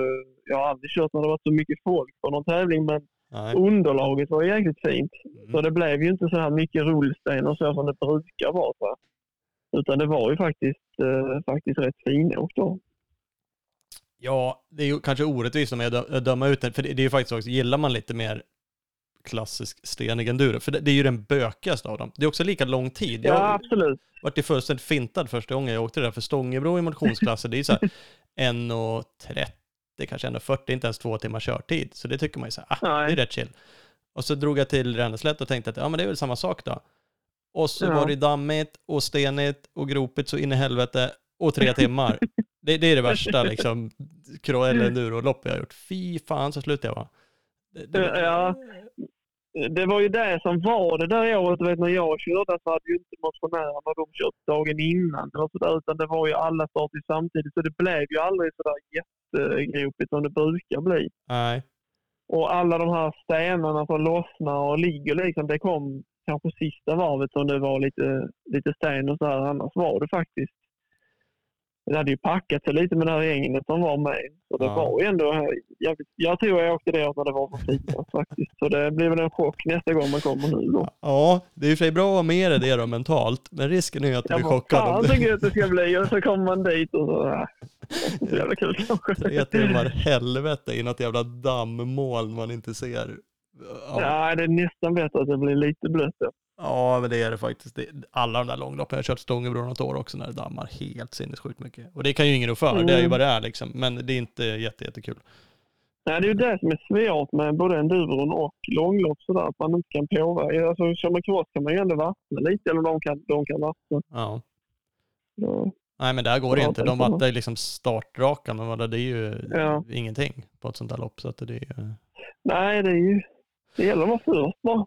Ja, men precis. Jo, men det, jag, jag har ju vunnit min motionsklass en gång på Stångebro, det är ju kul. Men då var det en kille som egentligen var snabbare än mig, som jag, det var ett så här dammigt år. Jag låg ju bara och åkte vallen hela halva sista varvet, så här sandpartierna, bara släppte klutch i varenda vall som gick, för det, man såg ingenting. Så det, det var ju liksom bara en sån här taktikare, bara, så höll jag han precis bakom. Så det var, Ja, det är ju så. ja, det var ju, det var ju taktiskt bra gjort då, men jag kan tänka mig hur jävla less han var på det, eftersom han uppenbart var snabbare än mig egentligen. Men, Ja, det är ju det som är lurigt med de där loppen. Det gäller ju... Man blir ju sjukt nervös över den här döda starten. Liksom. ja, särskilt om det är sånt där väder, om det är jäkligt torrt eller om det är jäkligt blött så gäller det att vara bra med i början. Alltså. Även om det är tre timmar man ska köra så avgörs det ändå mycket i början. Det är segt att komma iväg efter och det ökar ju risken att det händer massa skit liksom och som inte beror på en själv kanske. Så det, ja. Ja, det gör ju det. Så att det är helt klart. Uh, Inga Uddevalla, om någon säger så här då, hej Filip, vill du köra lag-VM?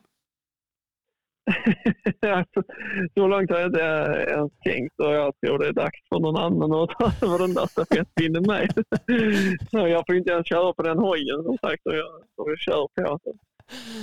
Ja. Men eh, man ska väl aldrig stänga några dörrar på något vis. där, absolut inte. Nej, det är onekligen kul att göra det. Gissar jag. Men du har gjort det några gånger, så att visst. Ja, jag vet faktiskt inte om det är åtta gånger jag har kört kanske. Ja. Ja, det är ju... Det där är ju den häftigaste tävlingen på året, absolut. Ja, ja men det är det ju. Men det är precis som du säger, du skulle ju alltså inte köra MX2-klassen med den där då, så då måste man ändå in med någon annan där och så ska det ja, ja. det är stökigt. Uh. Ja, det är ju det.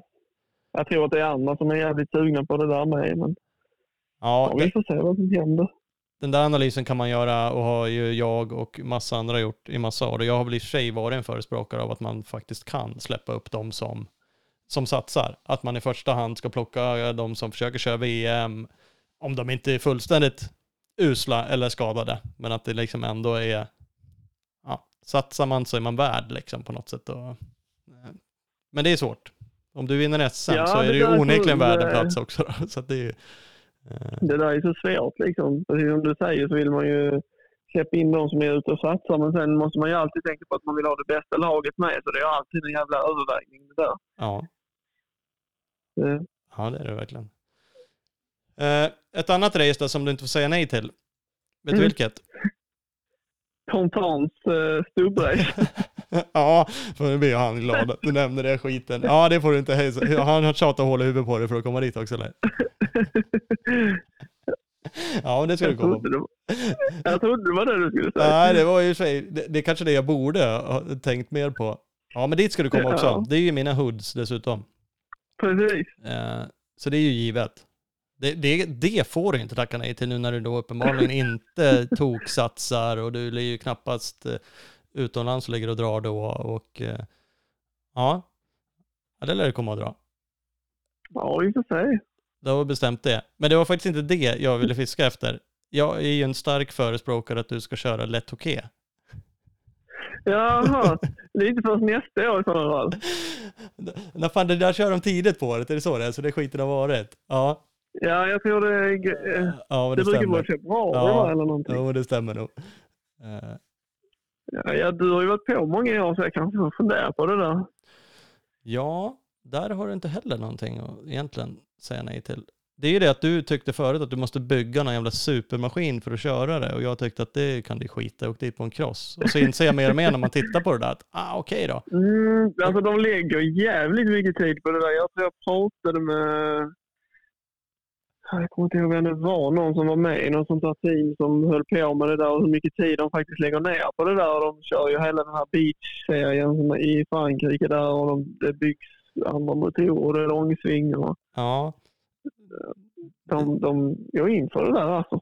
Ja, men det känns onekligen lite special som sagt. Just sådär, ja men långsving är inget man bara kanske svänger ihop och det går ju till en 200 blås längs med vattnet där liksom. Ska man ha en hoj som... Ja, jag tror nästan de är uppe och vänder på 200 med strävar om lite och sådär. Ja, och det är klart, då vill man ju, man kanske inte bara vill dreva upp den till 200 utan då vill man ju ha någonting med lite knuff i också då. Gissar jag att de Ja, har. ja. Det är säkert inte så att du får en hoj att gå sådär snabbt, men den ska ju helst ha lite mos på botten med. Den ska ju orka när det blir lite sand också. Ja, precis. Mm. Ja, vi ska svetsa ihop en långsväng där så vi kan köra det. Ja, för fan. Rätten på Bloms bara.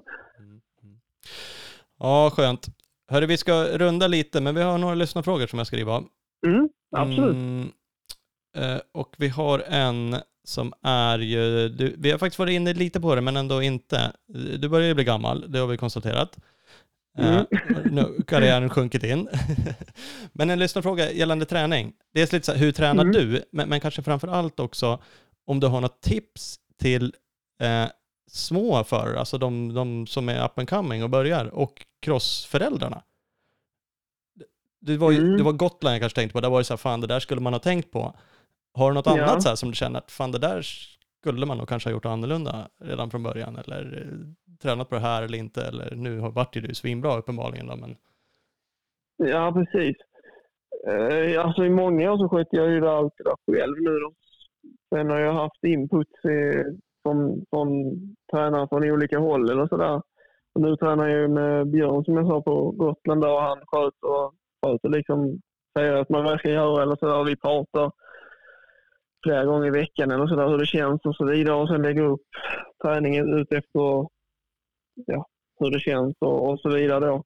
Men ja, det viktigaste är ju att man har, eh, vad säger man, kontinuitet i, i det man gör. Liksom att man att man får, äh, förklara men att man eh, har en plan bara på vad man ska göra kanske. mm. Eh, och att man, man tränar på. Jag vet inte, jag pratade med, med någon annan om det här och många typ eh, av dagens eh, ungdomar eller så här, de, det går väl mer åt det hållet, typ att man, är det ingen som säger åt om vad man ska göra så typ har man ingen fantasi att göra någonting själv. Men ofta så är ju någon form av träning är ju bättre än inget alls. Mm. Och många liksom, vad ska man säga, många är liksom lite bekväma tror jag. Och ja, men jag har ingen, ingen tränare eller så här, men alla sitter ju med sin telefon flera timmar om dagen och det är inte skitsvårt att typ googla lite om man är lite intresserad och så har jag gjort liksom hela karriären och är man bara intresserar man sig bara, alltså eh, både sig själv och kanske föräldrar eller sådär så finns det ju sjukt mycket information om träning och sånt där att läsa på nätet och det är inte jätteavancerat att hitta heller. Nej. Eh, så det tror jag väl. Men just det här med att man eh, kanske har en plan med vad man ska göra. Mm. Och, eh, och att man, man får det gjort och att man liksom får kontinuitet så man får det gjort. Liksom, man blir ju inte bättre på en veckas träning utan det tar ju, tar ju jävligt lång tid. Mm. Och, eh, man måste ju bygga långsamt. Man kan ju inte liksom börja, börja stenhårt och tro att det ska ge resultat efter två veckor utan det tar ju tid. Liksom. Mm. Men du sa, du skötte det mycket själv när du var liten, men nu har du tränare och det är återigen ett dåligt exempel tänkte jag säga, eller det är ju gör som du gör så blir det bra. Så funkar det i och för sig inte. Men, men, du, du, har ju, men, men du känner inte att så här, fan jag skulle haft en tränare när jag var yngre? För, för då hade det hjälpt. Eh, Eh, Jo, men alltså, det tror jag säkert att det hade gjort. Men eh, det är ju alltid liksom skönt och må- många gånger tror jag att jag körde lite för, alltså, att jag pushade på för hårt. Mm. Och många gånger var jag sliten redan alltså, när jag kom till träning och det är ju skönt nu liksom. Eh, Björn som jag tränar med är jävligt kunnig sådär med liksom hur man ska ladda upp inför ett lopp och liksom att man kanske inte ska köra för hårt tätt inpå. Och, eh, men just med hur man periodiserar sin träning eller sådär för att man är i form när det väl gäller eller vad man ska säga. Mm. Eh, annars blir det ju lätt liksom att när det, om det går dåligt framförallt på en tävling att man kanske pushar på för hårt för att kompensera upp en dålig tävling men så lätt är det ju inte liksom. Nej. Nej. Men, eh, Nej, då är det kanske sent för den tävlingen och ändra det då. ja, ja, precis. Men sen, ja, jag har alltid tränat ganska hårt genom karriären så det har alltid tränat ganska mycket med. Mm. Och det, det måste man ju göra och det, är det är inte skitsvårt typ att bara läsa om hur andra tränar i andra sporter eller sådär och sen kanske inte det går att kopiera 100% rakt över till crossen utan men, men drar man en parallell mellan alla som är duktiga så är det ju mycket träning och det finns ju ingen genväg om man vill bli bäst. Så är det ju bara. Ja, men det är lite så här, jag är ju usel på att träna, alltid varit. Kan ingenting om det och jag har inte haft ron att googla på det. Och jag är Nej. uppenbarligen inte bäst heller. Så att, men, men jag var iväg med Thomas Gesson eh, nu för, Mm. för, några helger sedan också. Och han var ju superduktig back in the days och är ju uppenbarligen Mm. ett träningsfreak. Eh, så, så han, vi pratade mycket träning. Och han är liksom på en helt annan nivå än mig. Och det är så här, du tränar väl med pulsklocka? Jag bara, eh, nej, jag hade ett pulsband för fyra år sedan, men det tappade jag bort. Så, så att, eh, nej, jag, jag har en klocka då som jag ser pulsen på, men ja. Eh, Han bara, men det, då är det meningslöst där. Du måste ju träna pulsar, och så måste du ha ett upplägg då, liksom att du kör dina eh, långpass på den här pulsen, och du kör det där på det, Mm. och, och de pratar löpsteg. och liksom, nej men du måste ha effektiva löpsteg. Så, vad har du för löpsteg? Jag bara, "Eh, fan vet jag. Eh, Och så Inget liksom, jag tar mig fram. Ja, precis. Jag tar mig fram sådär. Det verkar som att det inte går så bra i och för sig, men jag tar mig fram. Eh, och, och han var ju liksom in, och jag fattar ju grejen då, att vill man bli bäst, för, för när jag är ute och springer, återigen, sprang lite på Mm. lunchen idag, så inser jag att det här är ju ett mellanmjölk eh, löppass. Jag, jag blir ju liksom Ja. lite trött, men antagligen inte tillräckligt trött. Och jag springer för kort,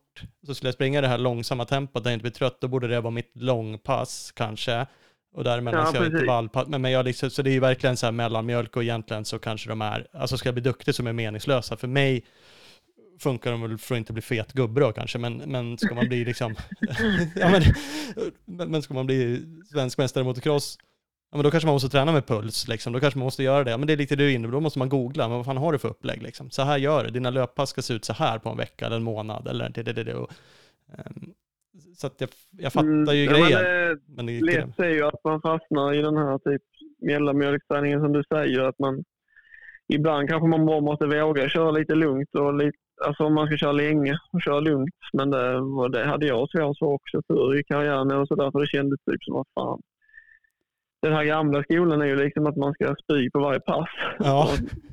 Det var ju typ de som stod och predikade när någon annan var yngre. Liksom. Det har väl satt sig i bakhuvudet lite grann. Eh, Men det är att ska man köra länge så ska man, ju, kan man, ska man ofta köra lugnt för att man ska orka köra hårt när det väl ska köras hårt. Eller man ska säga. Ja. Precis som jag sa innan och då jag kanske körde ofta lite för hårt på många pass och då blev det ju när man kom till tävling sen så orkar man inte köra på max eller man ska säga. Nej. Så man ska ju träna jävligt hårt och jävligt mycket men man ska göra det på rätt sätt. Så det är väl det som är svårt. Mm. Jo, det är väl det. Och det är väl då man måste ha en plan och sätta sig och lägga lite tid och ha ett upplägg.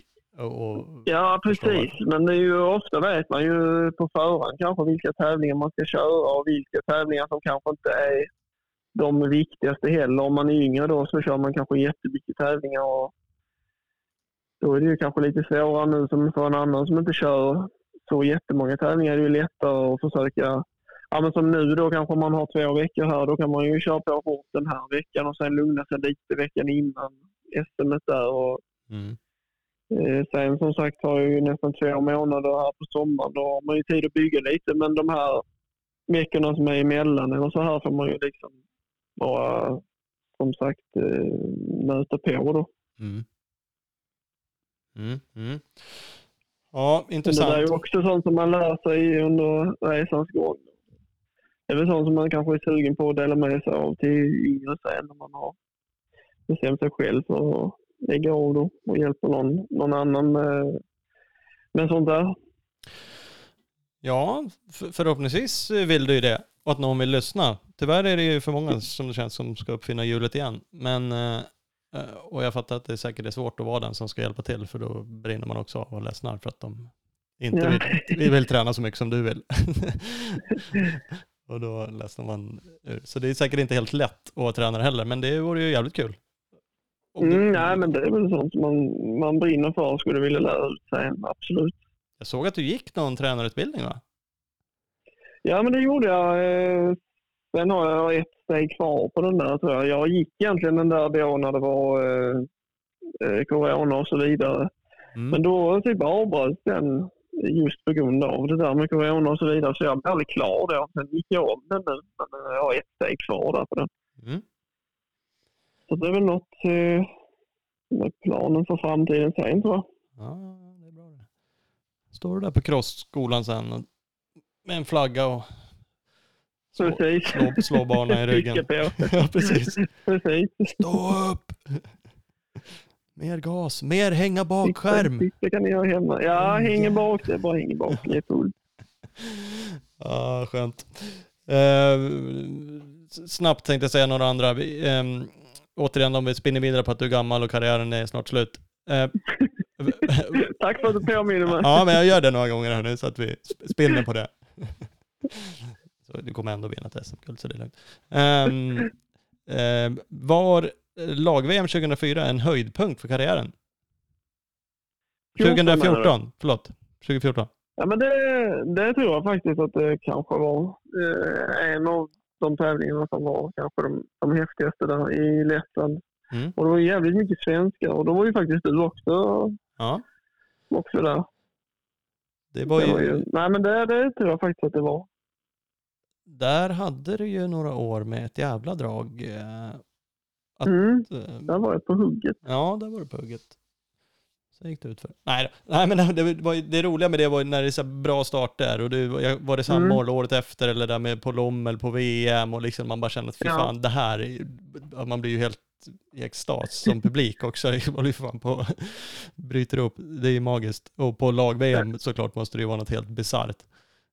Ja, det var jäkligt kul. Det, det var ju så jäkla mycket svenskar där med så det var ju absolut en av karriärens höjd, höjdpunkter. Mm. Då får du en spin på den där, som kanske Mm. är samma då. Vilket är det roligaste, bästa race du har kört? Är det det? Eller har du något annat som sticker ut? Ja, men jag tror kanske det. Det var jävligt kul där eh, och just att det var mycket svenskar och eh, vi körde bara allihopa. Och jag fick ju leda en 10-12 minuter på lördagen där i kvalheatet och sen tror jag var sex där i första heatet på söndagen. Så det, Ja. det var ju kul alltså, och sånt som många kommer ihåg. Sen tror jag kanske då när jag till starten på Lommel och ledde i fem minuter eller vad det var. Det var också en sån grej som man aldrig glömmer själv och som många andra kommer ihåg. Så det är ju det är ju sånt man bär med sig. Ja. Ja, men Så såklart. det är väl kanske de två som jag kan komma på sådär som var sjukt kul. Mm, mm. Det duger. Nu får du en sista, en teknisk fråga. En teknisk fråga, ja. Superenkel teknisk fråga. Va, va, vad kör du med för styre? Högt som fan. 99 eh, Rental Twinwall 997. Åh, fan så fint. Högst i eh, klassen tror jag jag har. Högst styre. Är det Det så? är ju populärt. Alla, alla ska ha lågt styre. Jag kör så jäkla högt styre. Alla gnäller på mig. Men jag tycker det är gött. Ja, jag gillar det- att stå upp. ja, fan det blir bara lägre och lägre på hojar nu för tiden. Provkörde nya enduro-modeller. De har så gått ner liksom. Är också så hoppa på den och så bara, fan, fan vad konstigt det känns. Ja, det har blivit lite trend att det ska vara jävligt lågt Ja, styre. Men Jag jobbar emot det. ja men Jag jag, ge med på det. jag satt faktiskt idag och försökte göra en lista till, till, till, till Ola, Torells MX-Ola. Tänkte att han borde beställa ett styre till mig. Och då satt jag och fingrade på ett 997. Jag har åkt med det också mycket, tycker det är mysigt. Ja. Ja, Jag har kört ända sedan 185 tror jag började köra med det. Sen har det bara hängt med hela karriären. Bara liksom, Ja, det känns liksom rätt när man får på det bara. Det är en sån där grej som bara känns bra på alla hojar tycker jag. men högt och lite shopper-feeling med lite backsweep. Och lite, ja, Mm. Lite avhängigt måste det vara. Lite, Ja. lite Harley style på det. det är lite den stilen. Nej, jag vet inte. Det har bara blivit så. Jag tycker om att stå upp och köra med. Då känns det gött när det är lite högre bara. Ja. Rätt, det är rätt. Ja, men vad bra. Hör, uh, vad kul, det här var jätteroligt. Ja, det var, det var kul. Ja, Det var ju schysst att man fick vara med igen tänkte jag säga. precis. Ja, men Ja, det är kul, det är kul att snacka lite. Jag gillar också att snacka särskilt så här, nörda ner sig lite. ja, men det, då blir man ju mer snackig. Jag är också sådär så jag tycker, kan ibland säga att jag har telefonskräck. Då jobbar jag ändå i jobb där jag pratar med en massa kunder. Och bara känner ibland, fan jag vill inte ringa folk. Jag vill inte att folk ringer mig heller. Men så när man får Nej, prata om sånt man är intresserad kan- av, då blir man ju... Ja, men det är kul. Och det är kul att prata om något som man brinner för, om man ska säga. Då är det jävligt roligt. Ja, då blir det lite annat. Ja, men fan vad grymt. Hör, fortsätt lycka till då med året. Eh, Ja, men tack så mycket. så ska vi... Då syns vi väl i Västerås. Då får du ta det ut igen. Mm, Västerås ska vi ses och sen är det lite Gotland. Då får jag väl komma dit då. Ja, mm, Ja, absolut. Grymt. Vad heter det? Ha det bra så hörs vi av. Ja, men tack så mycket då. Vi, vi hörs. Ha det bra. Ja, det gör vi. Tja. Vilket snack. Tack Filip Filip Bengtsson för det där. Eh, god information, god kille, eh, pratglad. Eh, fantastiskt helt enkelt. Kul att han är tillbaka på eh, crosshojen. Det gör mig glad, även om endurosatsningen var kul. Eh, så att, eh, är det härligt att se glädjen tillbaka på en crossbike. Så att ser väl lovande ut till ett SM-guld. Ska vi inte jinxa det kanske, men podcast-effekten kommer ju slå in så att det blir ju dubbelvinst i Västerås nästa deltävling, om inte annat. Så att eh, får vi se vart det landar sen. Eh, stort tack till bikewash.se, bästa tvättmedel till en hoj. Eh, gå också in på onegripper.com och så eh, klickar ni hem ett sadelöverdrag som är lite bättre än alla andra helt enkelt. Stort tack, hej då!